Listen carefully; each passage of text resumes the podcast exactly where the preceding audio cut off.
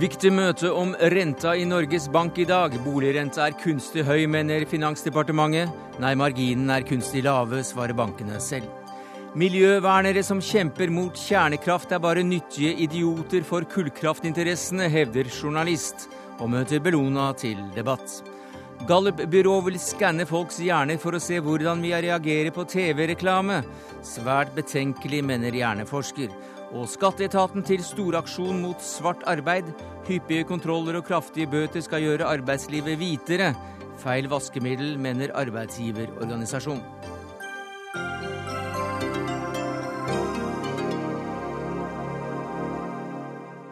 Ja, Dette er noen av sakene i eh, Dagsnytt 18 denne onsdagen, der vi også får siste nytt om drapet på en av Hizbollahs mektigste menn, og vurderer det pikante trekantforholdet mellom verdens tre største økonomiske stormakter.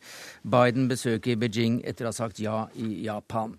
Men vi starter med det som eh, kan få økonomiske konsekvenser for rundt eh, halvannen million låntakere her i landet. For i dag sitter et knippe personer sammen i Norges Bank for å bestemme hva slags råd regjeringen skal få om strengere krav til bankene. Og statssekretær Jon Gunnar Pedersen i Finansdepartementet, hva slags råd er det man skal få?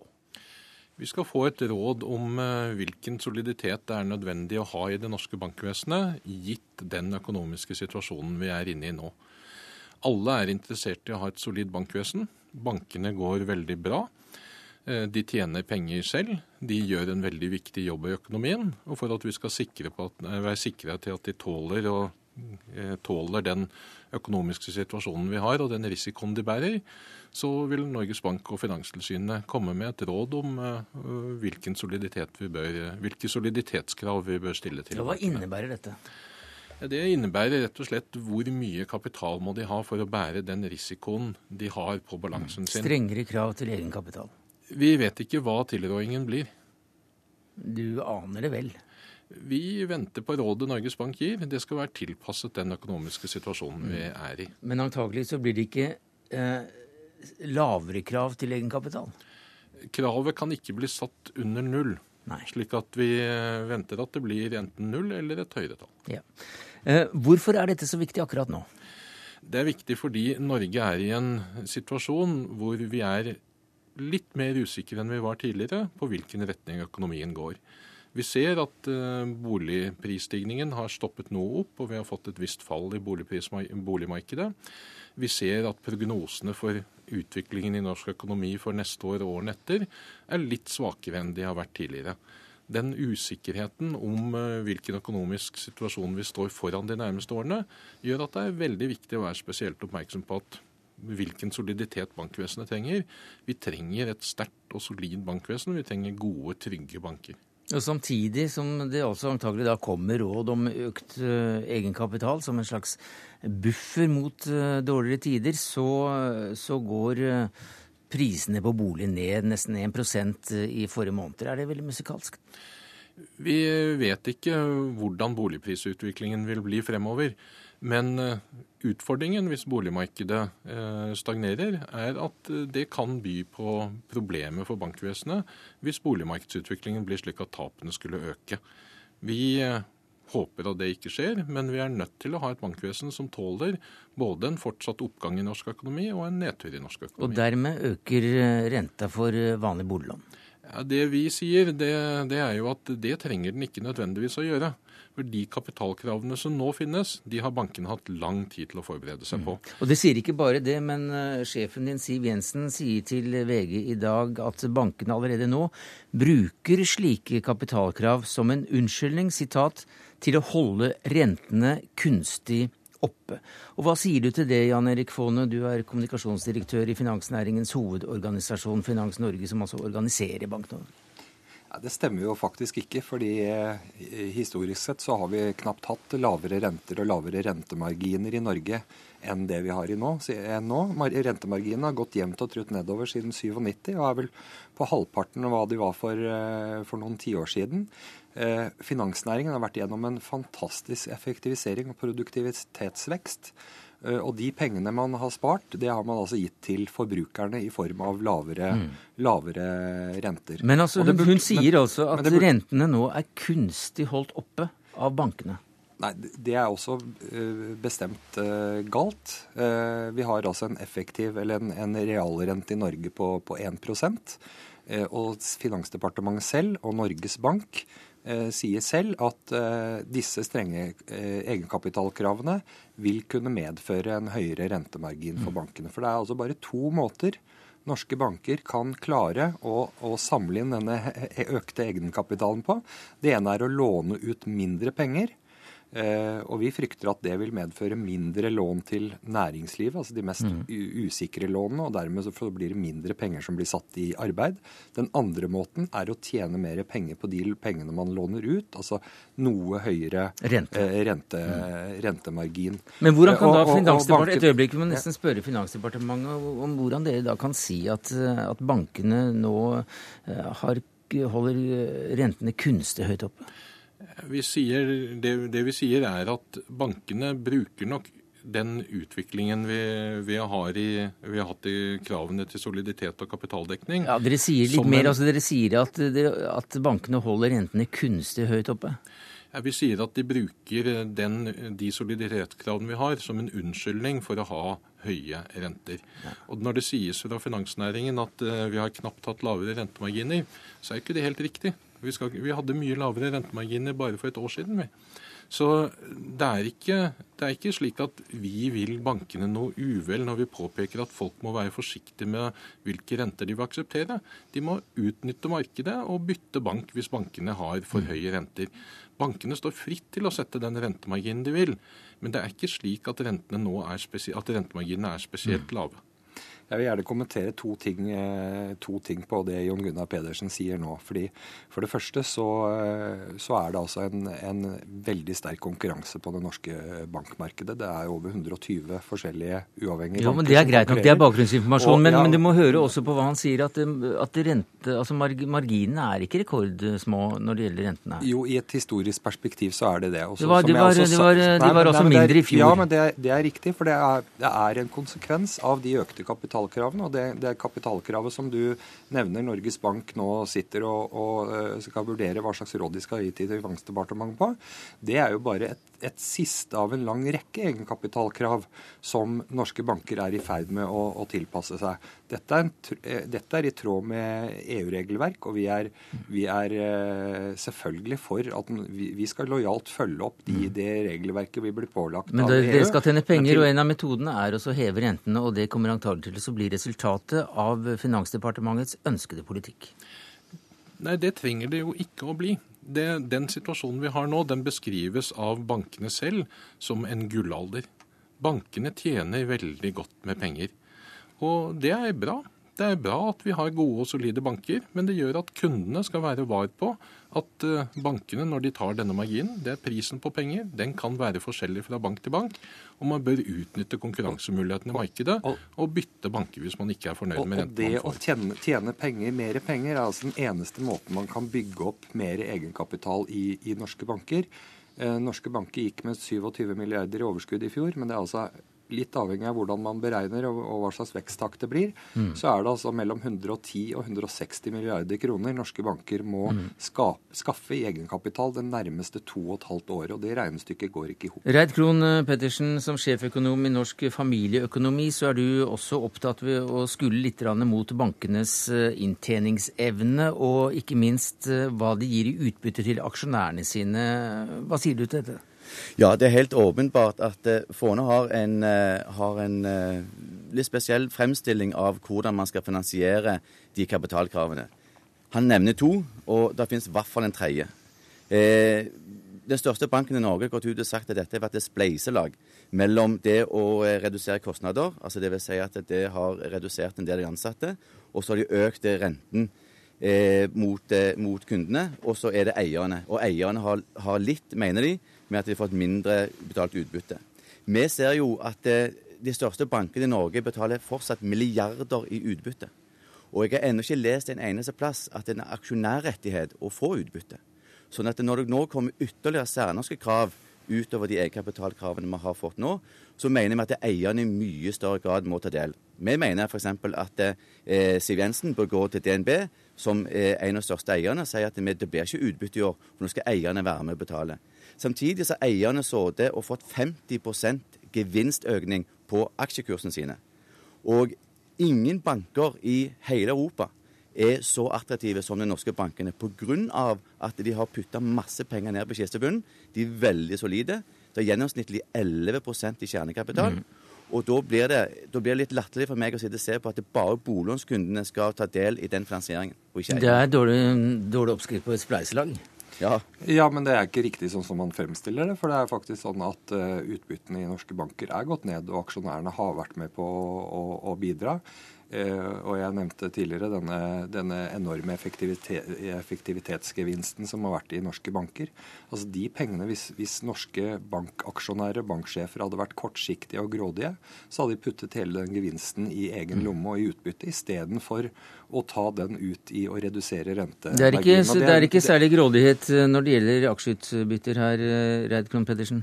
Nei, han tar faktisk feil. Ja, de har redusert utbytte i forhold til prosent. Men i kroner og øre så betalte DNB ut 5 mer utbytte til eierne enn i 2011. Vi mener det burde ikke vært utbytte. Vi mener at så lenge du får en aksjegevinstkurs som har så formidabel, og du gjør banken din så vanvittig attraktiv i forhold til andre investorer, så er det på tide at det blir eh, nullutbytte de neste årene for å være med å finansiere dette. Dette er altså en del av hva som også kalles motsykliske buffere må vi eh, forholde oss til slike begreper eh, framover, eh, Pedersen? Nei, jeg håper bankene vil vite hvordan de skal forholde seg til sånne begreper. Ja, hva Men betyr det? Det betyr bare at vi regulerer kapitalkravet til bankene avhengig av hvordan den økonomiske utviklingen i landet er. Og i noen tider så vil vi trenge høyere kapitalkrav fordi det er høyere risiko i bankenes balanser. I andre tider vil vi trenge lavere. Men hvorvidt det betyr nødvendigvis høyere renter for oss eh, kunder, det er det altså en debatt om som vi har tatt her i Dagsnytt 18, takket være deg, Jon Gunnar Pedersen, statssekretær i Finansdepartementet, Jan Erik Faane, kommunikasjonsdirektør i Finans Norge, og Reid Krohn Pettersen, sjeføkonom i Norsk familieøkonomi. Hør Dagsnytt 18 når du vil på nettradio eller som podkast. nrk.no – dagsnytt 18.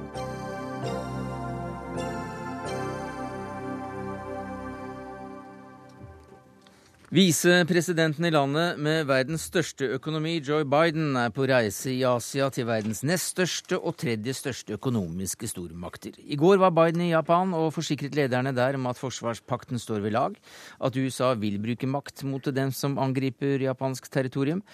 Det krangles om noen øyer i Sør-Kina-havet. Og nå er Biden i Kina, og hvordan har det gått i eh, dag, Kina, kjenner Henning Christoffersen nå i Det Norske Veritas. Dette er ditt område.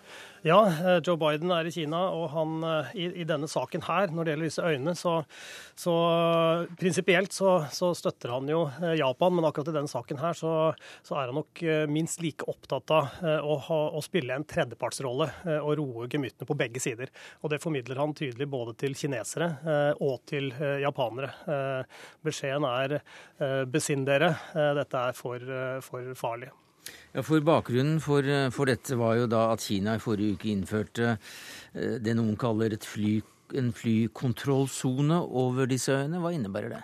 Ja, Det er jo en eh, siste steg i en gradvis kall opptrapping som, som, Kina har holdt på med nå de siste, siste par årene. Eh, og Det betyr jo at eh, Kina hevder et luftrom eh, over og rundt eh, øyene. Det betyr at andre fly som flyr inn, skal rapportere til eh, Beijing. noe, noe sivile fly egentlig har gjort i mange år. men faktisk fordi at de gjør det nå, så melder jo japanske, sørkoreanske fly om at det kommer vi ikke til å gjøre lenger. Så de har jo på en måte så det eskaleres, ikke sant. Altså, og, og, en sånn um, luftvernsone som Kina nå hevder, det har jo Japan allerede eh, over eh, området. Så nå overlapper jo de to sonene hverandre. Så det er jo en, eh, en eskalering fra, mm. fra, Kinas side. Men så har han da altså Biden vært eh, og besøkt eh, Beijing i dag. Han er der fremdeles, skal ha, ha flere møter også i dagene framover. Eh, og hva slags samtaler er det han har hatt? Nei, Han har jo planen var nok ikke å ha så veldig mye samtaler rundt disse øyene eh, før han eh, dro til Kina. Så de har på en måte kuppet litt agendaen hans. Det er jo alltid nok av saker som Kina og USA har å snakke om, eh, spesielt innenfor økonomi, økonomiske forhold, handel etc. Men nå er det klart at disse øyene er blitt veldig viktige for hans besøk. Så det kommer helt klart fortsatt til å være på agendaen. Så her, her får han testet sitt, sine diplomatiske evner. Mm, hva har kineserne sagt så langt? da? Til Biden i, i Beijing? Nei, I denne konflikten eh, så er eh, kineserne eh, veldig klare på at når USA nå spiller denne kall meglingsrollen, så burde de være mye klarere overfor Japan i forhold til å få Japan til forhandlingsbordet når det gjelder hvordan disse øyene skal håndteres. Så Det er Kinas første anliggende, å, å, å få Japan til å komme til forhandlingsbordet. Men det betyr jo at Japan faktisk anerkjenner at det er en eh, konflikt rundt disse øyene. Eh, fra Japans ståsted så er det jo helt motsatt. Eh, er, der er jo beskjeden til Joe Biden at du burde klart og tydelig støtte Japans side i denne konflikten. Og det lovet han vel i Japan? Ja, han, han gjorde det, men, men, likevel så er det nok mange japanere som syns at han er vel eh, vag eh, og, og, er for mye eh, diplomaten oppi dette her. Men dette er vanskelig for USA. Det er eh, USAs forhold til verdens nest største eh, og tredje største økonomi mm. Eh, som de skal håndtere, oppi det at de skal håndtere denne konflikten. Så her, her er det, dette er ikke noen lett sak for, for Joe Biden. Hvor vanskelig er dette for USA-korrespondent USA Gro Holm? Ja, det er Som Kristoffersen eh, tidligere har vært inne på her, så har han mange hensyn å ta når han nå besøker begge landene etter hverandre. Eh, det er, jeg tror ikke Biden egentlig er redd for at dersom han tar sterke ord i bruk, at de økonomiske forbindelsene blir ødelagt. Men USA fører for tiden et kan du si, et, et, en balansert utenrikspolitikk hvor de prøver å snakke med flest mulig og kanskje litt mindre ideologisk preget enn en del, eh, en del andre forgjengere har, har, vært i jordbruken. Og eh, Biden lot jo også være da han besøkte Japan og, innta samme holdning som Japan når det gjelder dette med å varsle at de flyr inn i den kinesiske flyvernsonen. Eh, altså amerikanske fly sier ifra, det gjør ikke japanske, så der har de ulike mm. holdninger. Og eh, jeg tror at for Biden så er det om å gjøre å opprettholde en god dialog i forhold til kinesiske myndigheter. Det er mange spørsmål på dagsorden, mange andre ting som også er viktige. Eh, og jeg tror ikke de kommer til å foreta seg noe som gjør, eh, går på, på tvers av denne meglerrollen som de, som de har inntatt. Men samtidig så, så, la jo også USA vekt på i møter i Japan, i Japan i går at denne forsvarsavtalen med Japan, altså at uh, at USA garanterer amerikansk gjengjeldelse om, om f.eks. da Kina angriper øystaten, at den står ved lag? Ja da, det, det gjør den. Og, og, det må de nok eh, Det kommer de til å måtte stå ved. Men, men, jeg vil jo tro at Biden har gitt temmelig klar beskjed i sine møter med japanske politikere at nå holder dere dere på matta. Vi kan ikke risikere noe her. Akkurat på samme måte som de har gitt eh, lignende beskjeder til eh, Israel når det gjelder Iran. Eh, USA ønsker ikke å bli presset av noe alliert land til å gå inn i en konflikt som ikke tjener amerikanske interesser. Og det vil definitivt ikke en konflikt mellom Kina og Japan gjøre, en, en, en militær konflikt. Men hva slags så ja. Vær så god. Ja. Nei, så Her er det snakk om å, å, å få begge parter til å være tilbakeholdne. Eh, og Det er klart at det spiller en viss underliggende rolle her at, uh, at Kina på, er det landet som sitter på største andelen av uh, USAs utenlandsgjeld. Altså Kina er ekstremt viktig for amerikansk økonomi nå. Og Biden har jo også nå under besøket gitt uttrykk for at det kan komme til å bli enda viktigere at Kina og USA sammen vil bestemme mye av kursen som det 21. århundret tar framover. Så det er ingen som Så, spiller økonomikortet i dette spillet da om, eh, om øyene? Nei, det er det ikke så langt. Det er et altfor alvorlig kort mm. å spille i denne sammenhengen for USA.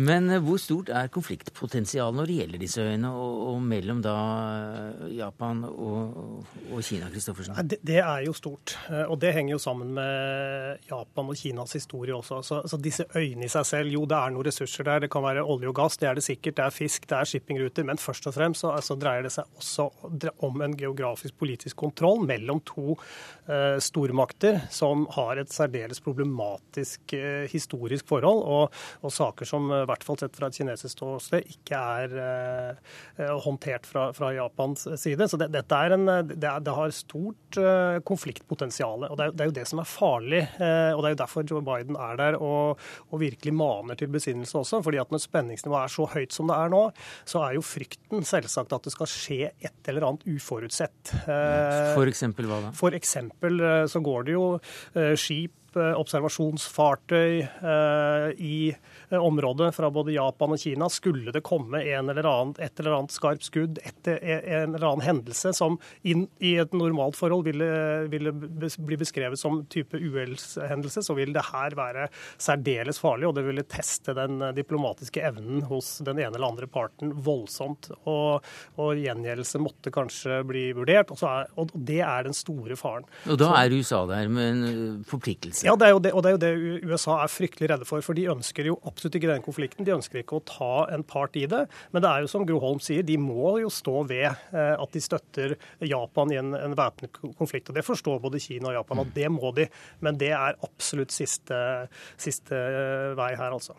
Hvordan eh, ser du på dette i lys av en nyorientering i det store bildet når det gjelder amerikansk utenrikspolitikk, Rohan?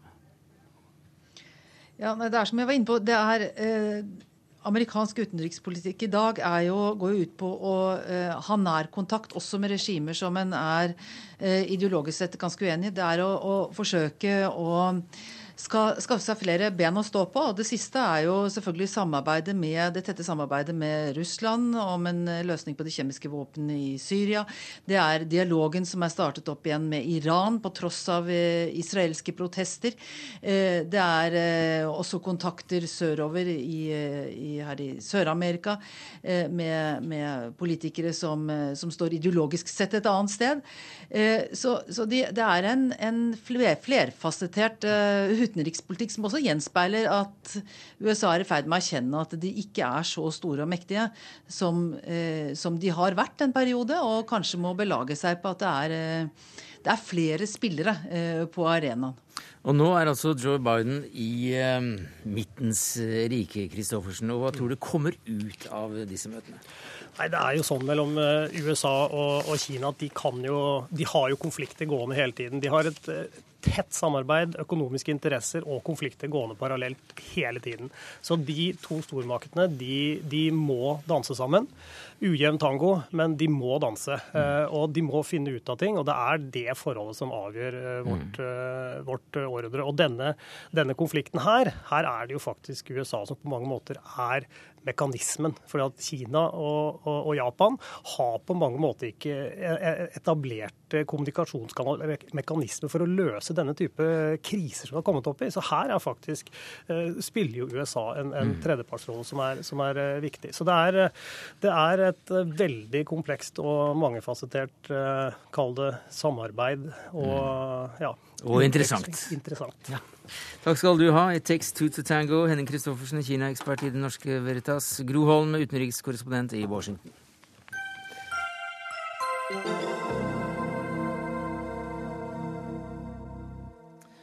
Bruken av kjernekraft er omstridt, for mens Japan og Tyskland vil stenge sine reaktorer, så, ja, så, velger Storbritannia å satse på slike. De mener det er den beste måten å kutte CO2-utslipp på. Og i Aftenposten i dag kan vi lese at de miljøbevegelsene som er imot atomkraft, er blitt et viktig hinder på veien mot lavkarbonsamfunnet. Det er det du som skriver, Øystein Heggedal. Ja, det blir meg. Det blir deg, ja. Miljøverner og journalist i magasinet Norsk Landbruk. Hva mener du med dette? Det jeg mener med det, er at uh, hvis uh, vi er som miljøorganisasjonene ønsker, å stenge verdens kjernekraftverk, så er det ikke sol og vind som tar over og produserer strømmen vi trenger. Det er kullkraftverkene. Og Derfor kaller du disse organisasjonene for nyttige idioter for ja, kullkraftinteressene? Det var jo en litt tabloid overskrift. Det, det, er du, det er du som skrev det? og det stemmer, det mener jeg. For det er kullkrafta som tar over. Når de argumenterer for å stenge kjernekraftverkene, så tar kullkraftverkene over. Det skjer i Tyskland. I Japan så stenger de òg atomkraftverkene. Og der tar gasskraftverk gasskraft over. Og de CO2-utslippene øker både i Tyskland og i Japan. Og en nyttig idiot i så måte har du ved din side her. Nils Bøhmer, atomfysiker og daglig leder i Bellona. Hvordan reagerer du på dette? Jeg er jo ikke helt enig med at jeg er en nyttig idiot. Kanskje jeg er nyttig, men jeg er ikke idiot. Men uh, jeg har litt uh, Det er en del, uh, hva skal vi si, nyanser i innlegget hans som jeg ikke er helt enig med. altså Det er ikke sånn at kullkraft og gasskraft kommer inn istedenfor atomkraft. Det er mange andre årsaker til at kull og gass kommer til å være energibæreren hovedsakelig energibæreren i verden i lang tid framover. Og det er fordi vi har veldig mye billig kull tilgjengelig. Vi har funnet store mengder med gass i USA, som gjør USA snart selvforsynte med energi. Så det er store økonomiske drivere her som gjør at fossile kraftverk kommer til å være være der i lang tid. Eh, internasjonale energibyrå lager prognoser på hvordan man skal løse verdens klimautfordringer fram mot 2050. Og de peker på tre hovedbjelker. Det er rensing av fossile gasskraftverk, inkludert kull. Det er fornybare energier, og det er mm. energieffektivisering. Nå ser på dagens situasjon. Og, og, og det, ja, det, vi ser også, er at atomkraft stadig, spiller en stadig mindre uh, del av energiproduksjonen i verden. Mm. Eh, bare på de siste to-tre årene så har andelen av atomkraft minsket med 10 ja, Og, og kullkraftforsyningene har økt? Eh, fossil og, og, kull eh, ligger omtrent på stedet vil. Og så ser vi en voldsom vekst i fornybar energi. Fordi vi mm. ser at de beslutningene som Japan og Tyskland har gjort, har gjort ja, mm. på kort sikt så får vi gass og kull. Men på lang sikt så vil det føre til at fornybar energi får en rasende utvikling. Vi ser nå prisen på fornybar synker dramatisk, men da atomkraftprisene stiger tilsvarende. Ja, eh, det er klart det øker veldig fort. Når eh, utgangspunktet er så lite som det er på vind og sol, så er økninga veldig stor. Eh, men sol og vind lager strøm når det passer seg sjøl. Når sola skinner, når vind blåser. Da må vi ha backup-kraft i tillegg. Eh, I Norge så har vi for så vidt kunnet ha bygd ut eh, enormt, eh, enorme arealer med, med, vindkraftverk. For vi har så mye, miljø, nei, vi har så mye vind, vannkraft som er regulerbar, som kan lage strøm når vinden ikke blåser. Mm. Men du hører her at du får motstand når det, når det gjelder at å si nei til kjernekraft er å si ja til kull? Ja, jeg hører jo han sier det. Men og det stemmer jo for så vidt at, eh, at, vind og sol er, er, kommer til å spille en rolle i framtidas eh, energiforsyning. Men det er jo ikke eh, Jeg skjønner ikke hvordan Bellona tror det at, at det er enkelt med CO2-rensing. Det kommer til å være enkelt, og det kommer til å være billig. Mens, mens kjernekraft er dyrt og vanskelig. Nei, altså Vi sier ikke at uh, verken det å få inn fornybar energi eller energieffektivisering eller CO2-rensing er enkelt og billig. Uh, det som er faktum, er at det å slippe ut CO2 i dag er gratis. Det er altfor billig. Så vi må starte den enden få til et prismekanisme som gjør at det koster å forurense med CO2. Eh, det vi ser, er at prisen på fornybar energiteknologier, både sol og vind, den synker, slik at det blir lettere å introdusere den i markedet. Eh, samtidig ser vi også at prisen for kjernekraft stiger. Og vi ser at det har ført til at man ikke bygger atomkraftverk. Og det var en tendens som startet lenge før Fukushima-ulykken. Så det, har atomkraft priset seg ut av markedet. Mm -hmm. eh, hvis du ser på Kina, så har de 80% av sin energiproduksjon kommer fra kull. Eh, Kina er samtidig det landet som bygger halvparten av alle verdens atomreaktorer i verden i dag. De vil øke sin atomandel kanskje fra 2% til 3% de neste 20 årene. Så det er klart, kull, selv i et land som har en solid satsing på atomkraft, vil stå for den store, store energiproduksjonen. Men hva tror du at derfor, alternativet ja, i Japan, Japan blir da når de kutter ut atomkraften? På kort sikt så er det Kull? Så er, nei, det er gass. Man importerer store mengder gass fra, fra, fra, fra, Midtøsten. Så det er klart, på kort sikt så vil det være gass. Men samtidig så bygger man nå en, en stor vindmøllepark rett utenfor Fukushima for å være med å å demme opp for det bortfallet av atomkraft eh, som man har i Japan. Og Det er ikke en ideell situasjon å over natten kutte ut 50 reaktorer, som man har gjort i Japan, og så tro at den over natta blir erstattet med fornybar energi. Det er ikke så enkelt. Vi trenger litt tid for å introdusere dette markedet, men vi ser at den utviklingen som skjer nå, gjør at fornybar blir billigere og billigere. Men samtidig så blir atomkraft dyrere og dyrere. Og da er det dårlig butikk og dårlig politikk å gå inn for kjernekraft? Ja, det er det jo. Men uh, det er jo et spørsmål her om hvor store areal skal vi bruke til å lage energi. Uh, hvor store areal skal vi bygge ned um, av urørt natur med vindmøller? Med, skal, I Tyskland så bygger de ned hele åssida med solkraftverk. Hvor norsk miljøvernere de starta jo sin, de, Norsk miljøvern starta med motstand mot Mardøla-aksjonen, og det, var, det starta med Alta-utbygginga. Eh, og Nå står da Norsk Miljøvern for den største, da, de er tilhengere av den største nedbygginga av norsk natur eh, noensinne. Og Det skjønner ikke jeg hvordan men, eh, går an. Men den uenigheten dere imellom, er den til syvende og sist grunnet i ulikt syn på farene ved kjernekraft? Ja, Det er meget mulig. Jeg syns miljøbevegelser overdriver farene med, miljø, med, med kjernekraft. Og ja, Du er jo atomfysiker, eh, Bøhmer, mm. og de fleste av dine kollegaer de jubler jo for kjernekraft. Ja, ikke alle, men en del. Alle, men, men, men det vi ser er at det er, gjort, ja, det er gjort en del undersøkelser som viser at uh, direkte strålings, uh, strålingsrelaterte dødsfall etter uh, atomulykker er relativt liten.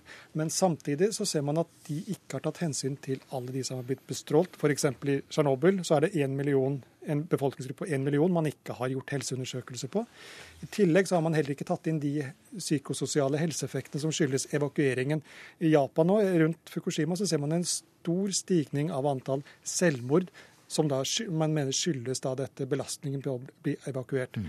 Og I tillegg så er det både rundt eh, Fukushima og rundt Tsjernobyl er det nå store områder som er båndlagt, eh, som ikke er bebygget med vindmøller, men det er båndlagt, det er umulig å oppholde seg der pga. den uh, forurensningen fra de radioaktive utslippene. Så det er heller ingen også... god løsning? Nei, det er i hvert fall ikke å ha en god løsning å ha kjernekraftverk som går i lufta. Det kan vi være enige om. Men uh, hva er, altså, det spørsmålet hele tida er hva er alternativet? Mm. For uh, og Bellona, dere ser jo på CO2-rensing, uh, mm. deponering, som en løsning.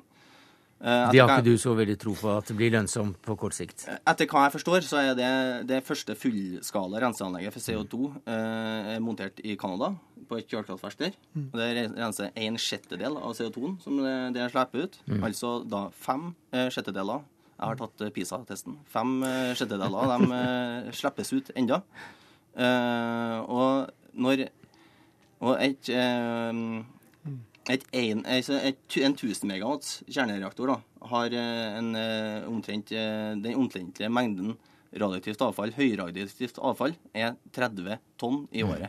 Mens, eh, Her blir, tror jeg at mange må gå i seg selv og eventuelt få skolepenger tilbake også, hvis vi skal begynne med disse brøkene her. Men, ja, eh, men, så, så, men, Hegdal, men, men den ekvivalenten da, for et, ja. for et uh, kullkraftverk er mellom 7 og 8 millioner tonn CO2 mm. som skal deponeres. På Snøhvitfeltet så deponerer vi én mm. million tonn i året. Du, Jeg er nødt til å stoppe denne saken her, fordi at uh, vi må finregne på, på dette her etter sending, Øystein Heggedal. Takk skal du ha, miljøverner og journalist i magasinet Norsk Landbruk. Nils Bøhmer, atomfysiker og daglig leder i Bellona.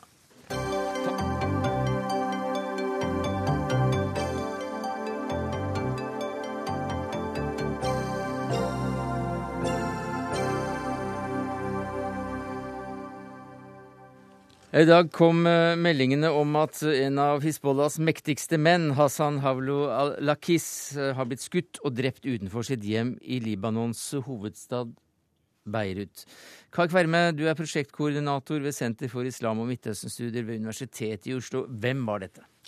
Ja, Det var, eh, som du sier, en fremtredende leder i Hizbollah. Han var en av deres eksperter, en av deres teknologieksperter der, og man antar at han var en av hovedmennene bak deres hemmelige eh, kommunikasjonsnettverk. Og man, det kommer meldinger i hvert fall også om at han skal være en av de fremste ekspertene deres på, på droner og droneprogrammet som Hizbollah er i ferd med. Viktig mann.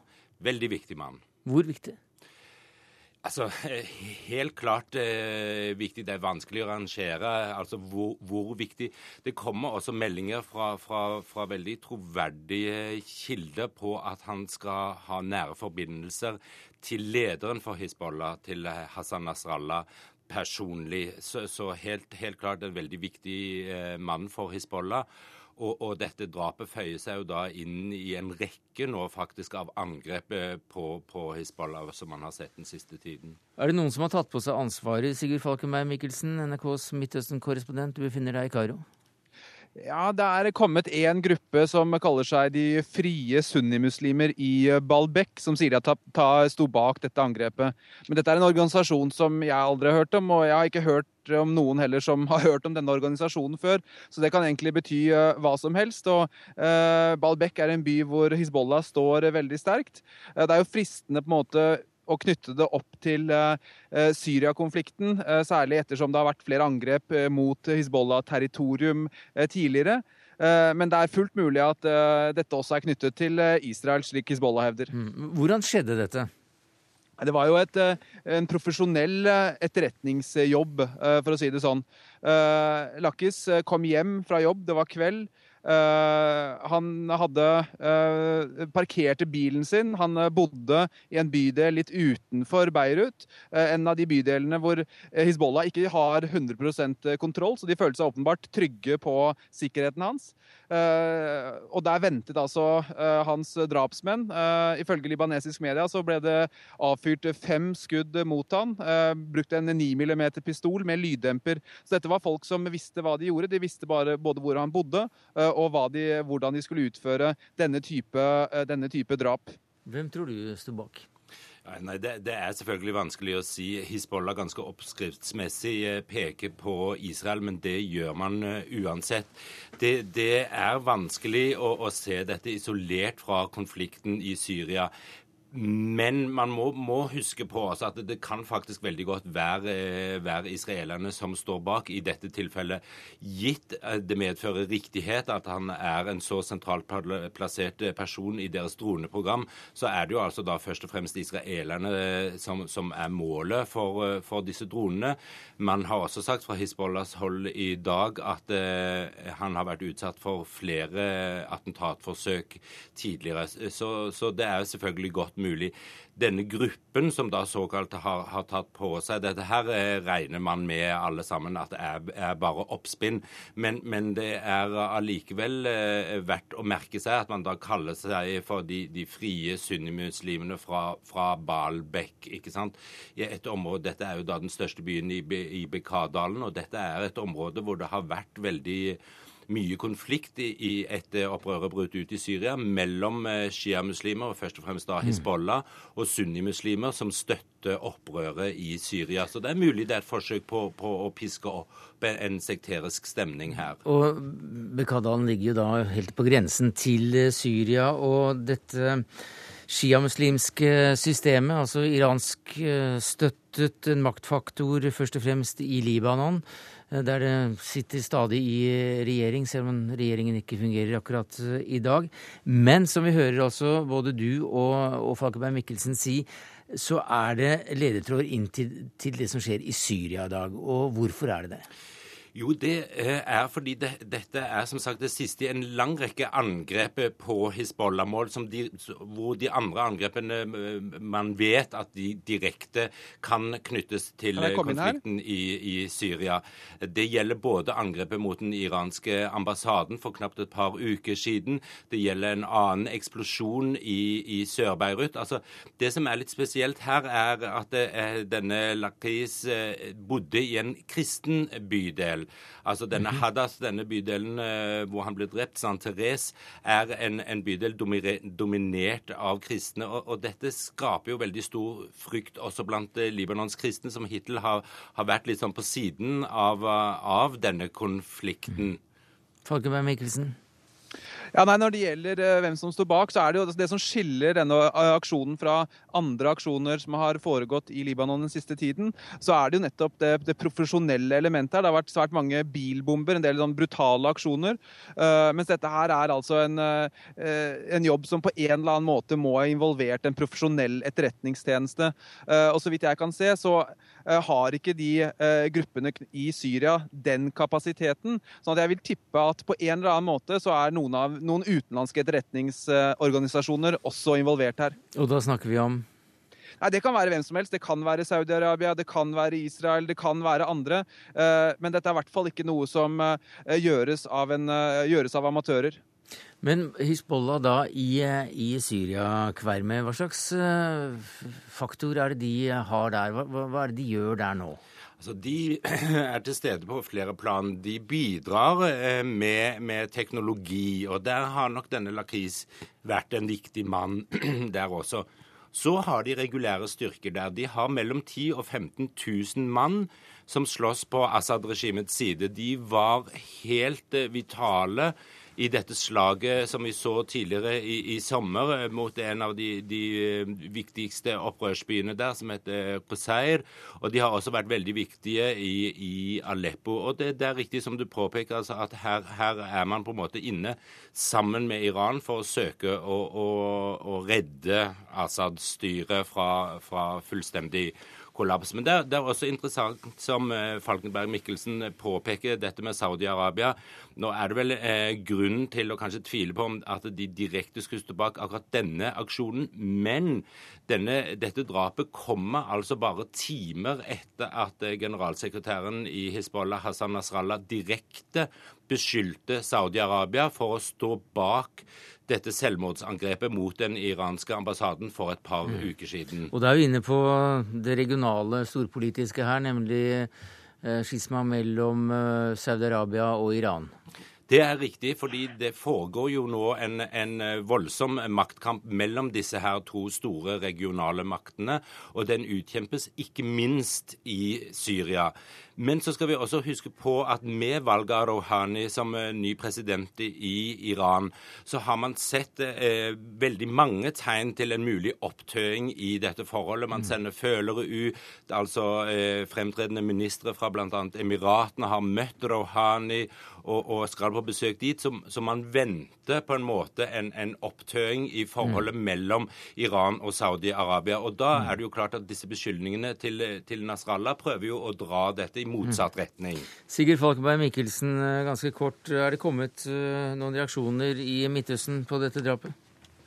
Ikke noe særlig eh, ennå, bortsett fra de eh, vanlige eh, avkreftelsene fra israelsk hold om at de står bak. Men det er klart at dette er jo med på å bekrefte og, og fyre opp stemningen rundt denne regionale konflikten og spenningen knyttet til dette som dere har snakket om, det sunni- og sjiamuslimske skisma som vi lever gjennom i Midtøsten her nå. Og så er det også interessant å se hvordan disse bildene av Lakis nå presenteres, fordi bak han så er det bilde av Saida Zainab-moskeen, som ligger i Damaskus, som er da et veldig hellig sted for sjiamuslimer. Så, sånn at det er direkte sånn sett knyttet til Syria, uh, dette drapet, på måten uh, Hizbollah markerer det på. Takk skal du ha fra Kairo, Sigurd Falkenberg Mikkelsen. Takk til deg her i Oslo, Kai Kverme, prosjektkoordinator ved Senter for islam og Midtøsten-studier ved Universitetet i Oslo.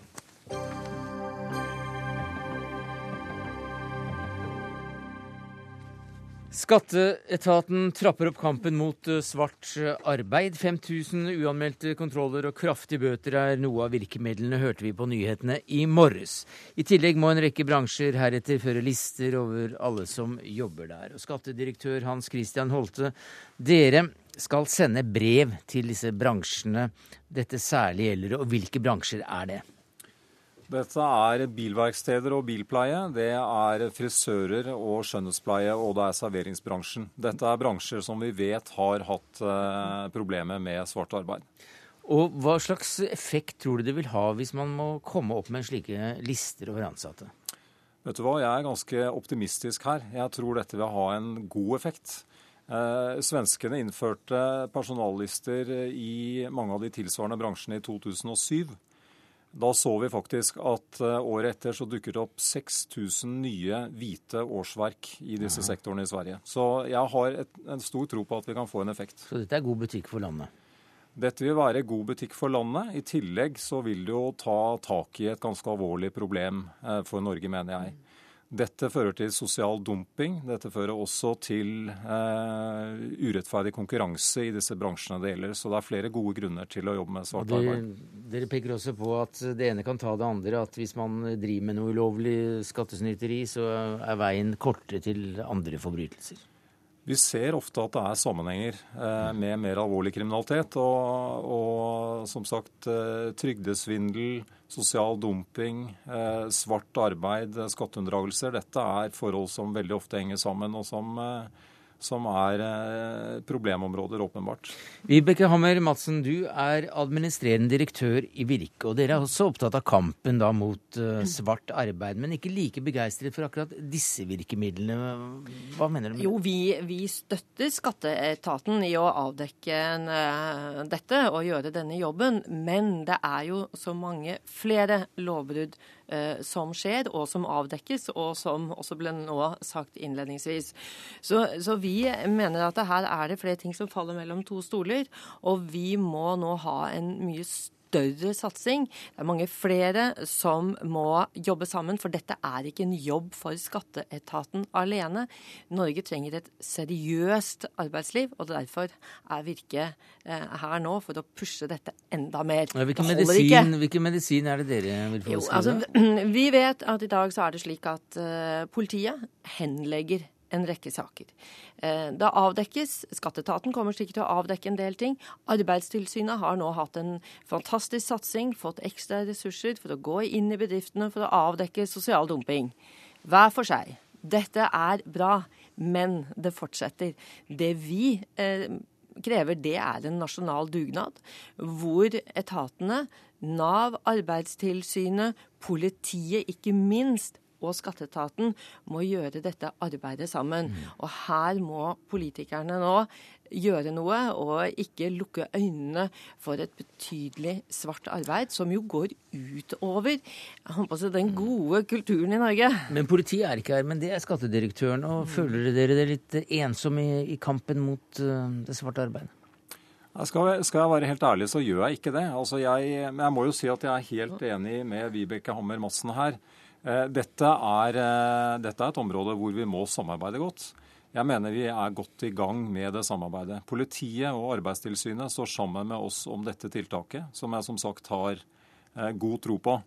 Og så er det andre forum også, bl.a. En, en regjeringsnedsatt handlingsplan mot svart økonomi, hvor det er en rekke samarbeidspunkter. Men, men Hammer Massen har helt rett i det, at uh, her må det gjøres et skikkelig løft. Dette er et voksende problem i det norske samfunnet. Mm. Uh, jeg tar det svært alvorlig som skattedirektør, og jeg mener at vi må, vi må samarbeide mm. kraftfullt om dette. Vibeke Hammer Madsen, dere peker også på erfaringer fra Sverige, som har en litt annen modell. Ja, I Sverige så ser vi jo at her har myndighetene gitt et skattefradrag rett og slett for å stimulere til hvitt arbeid. Hva betyr det? Skattefradrag som kalles ROT. Det betyr at har du rehabilitering eller eh, oppussing, tilbygg, ja så kan du altså trekke fra eh, noe av dette på, eh, på skatteseddelen. Og det gjør at du motiveres til å gjøre det hvitt. Det gjør at vi da får hva skal jeg si, hvite, sunne jobber, og vi får et seriøst arbeidsliv, og vi slipper denne til de grader urettferdige konkurransen. Og dette ser vi altså inne i mange bransjer. Og hvem er kunden? Ja, det er jo oss som privatpersoner. Det kan være eiendomsutviklere, det er næringslivet, og det er også det offentlige. Så skattefradrag for å unngå svart arbeid, er det en vei å gå? Det er jo som det sies her, noe som eh, våre naboland eh, har gjort. Både Sverige og Danmark har jobbet med, med disse modellene. Med hell? Og de mener å ha hatt gode effekter av det. Det er, det er noe diskusjon riktignok omkring effekten av det. Eh, men eh, dette er jo også en politisk vurdering om man ønsker å gå inn på den veien og, og gjøre akkurat dette. Eh, men jeg mener at de virkemidlene vi har i dag, det er et stort spekter, som, som også Vibeke Hammer Madsen er inne på her. Vi jobber selvsagt ikke kun med dette med personallister eller disse kontrollaktivitetene vi har. Det vi skal huske er at i de bransjene vi snakker om her, så er de aller fleste ryddige, skikkelig seriøse aktører Eh, det vi må gjøre for dem, er å sørge for at det er lett å gjøre rett. Altså at det er enkle, gode måter å rapportere inn på. Et tiltak som vi nå gjør, som jeg tror treffer den delen av eh, bransjen eh, godt, som jo er den største, det er å jobbe med en forenklet selvangivelse for næringslivet. Det tror jeg faktisk også vil ha en god effekt. Men altså skatte, skattefordeler ved å kjøpe inn eh, hvit arbeidskraft? Ja, det er som sagt noe som eh, Ikke straff for å gjøre noe galt, men belønning for å gjøre noe riktig. Det er en modell som eh, både svensker og dansker som sagt har, eh, har benyttet seg av. Men jeg eh, har eh, ikke det virkemidlet nå. Jeg ønsker ikke å ta stilling til om vi, vi er tjent med det. Nei, det er, får være eh, opp til- Men regjeringen, ja, men regjeringen har jo det i sin plattform, og vi har tro på at de skal gjennomføre det. Men det er altså viktig her at disse etatene jobber sammen, og at politiet er der når de ser det. Fordi at disse etatene kan ikke gjøre denne jobben Mm. alene. Men så skal det altså da skje 5000 såkalte uanmeldte kontroller. Eh, og de er jo nå, an, de er nå høyst eh, ja, annonsert at, at kommer, fordi dere har satt også hvilke bransjer dere kommer til å se på. Så frisører og, og hva var det? Det var um, Det var bilverksteder, Bilverksteder, bilpleie ja. og, og serveringsbransjen. De kommer til å holde sine arbeidere som ikke har arbeidstillatelse eller betaler skatt, unna arbeidet mens de, disse pågår. Sånn at her roper det altså at nå kommer vi. Vet du hva, det, det gjør vi, og det har jeg stor tro på er en, en ganske smart ting å gjøre. Vi, vi ønsker å ha et stort kontrolltrykk nå i starten for å sørge for at de får disse personallistene på plass. At de faktisk dokumenterer hvem er på jobb eh, til enhver tid. Det er ikke verre enn det, det er ikke mer enn det de skal gjøre. Hvis de nå kjenner kontrolltrykket fra, fra oss i løpet av de første månedene neste år, så er det bra. Da kommer de inn i denne vanen, for å si det litt enkelt. Eller eventuelt uh, la være å ta inn eh, svart arbeidskraft akkurat disse månedene, og så heller får de eh, jobbe resten av året. Jeg tror nok at vi skal følge med på dette videre også, selv om vi nå vil ha en skikkelig innsats nå de neste månedene. Takk skal du ha. Jeg må nesten avslutte her, for vi skal videre og høre at hjernen er en ensom ting. Men takk skal dere ha, skattedirektør Hans Christian Holte, administrerende direktør i Virke, Vibeke Hammer Madsen.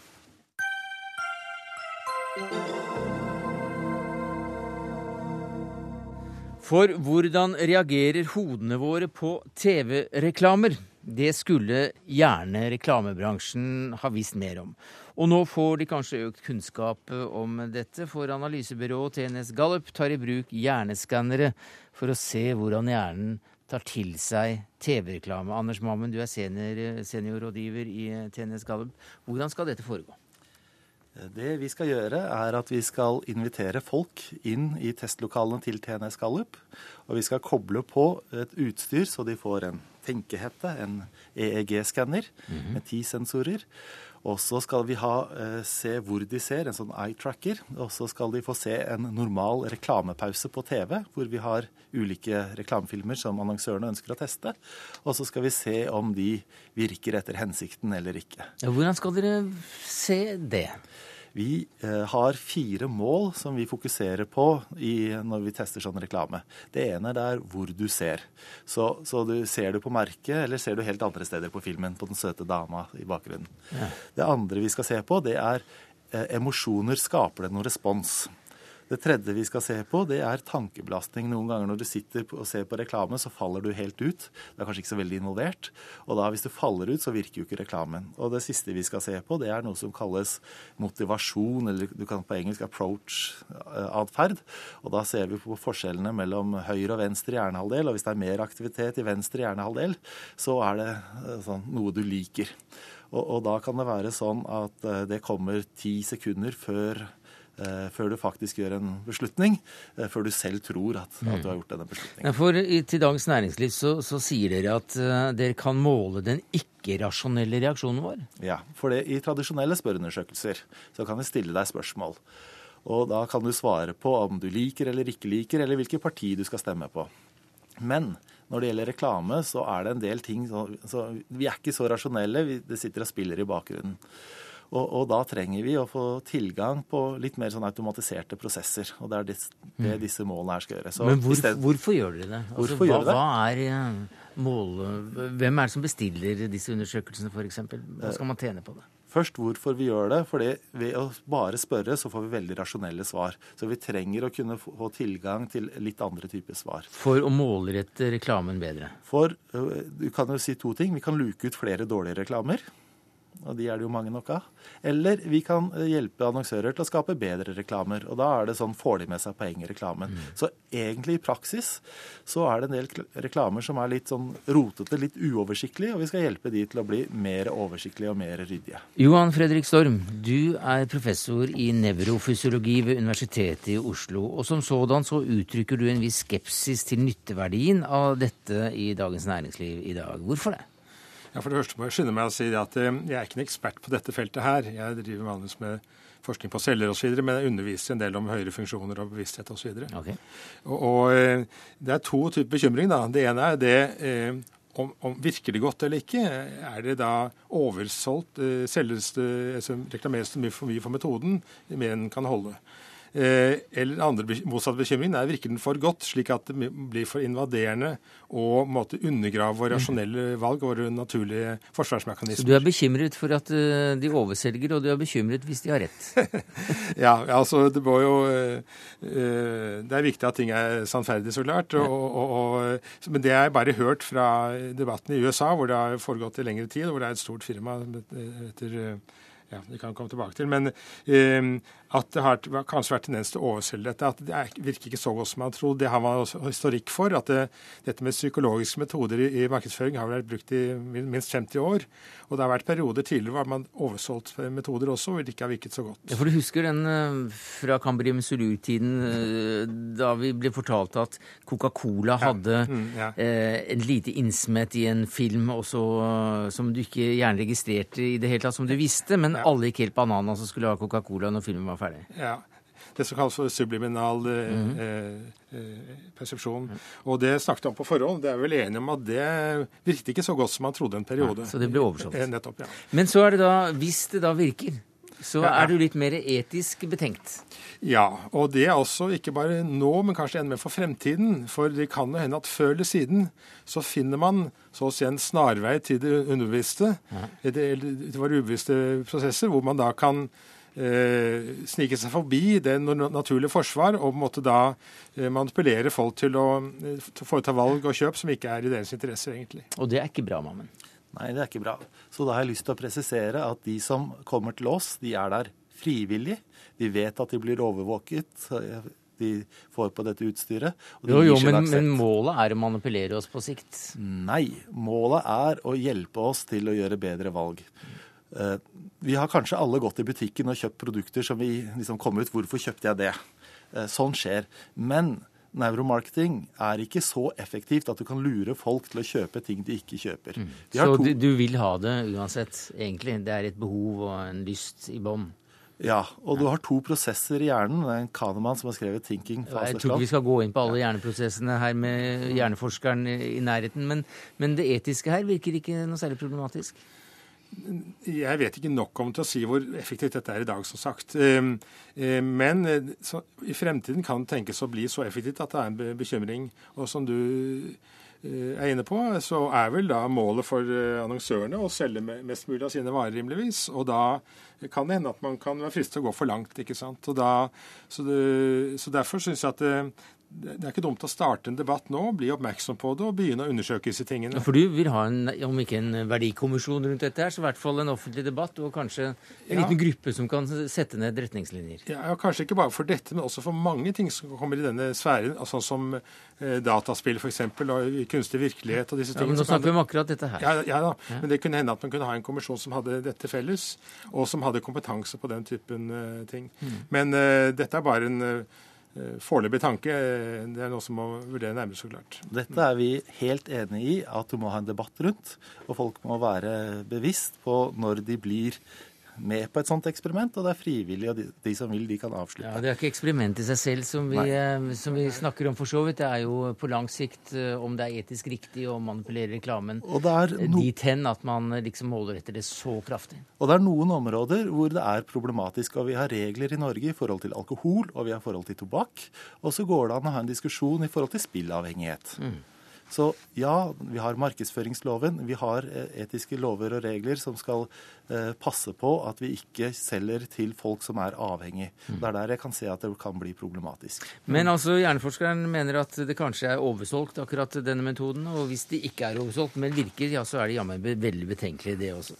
Takk skal du ha, Johan Fredrik Sorm, professor i fysiologi i hjernesignal ved Universitetet i Oslo. Anders Mammen, senior, seniorrådgiver i TNS Gallup. Det var det vi rakk i Dagsnytt 18 i dag. Ansvarlig for sendinga var Sigrid Solund. Det tekniske ansvaret hadde Karl Johan Rimstad. Jeg heter Sverre Tom Radøy.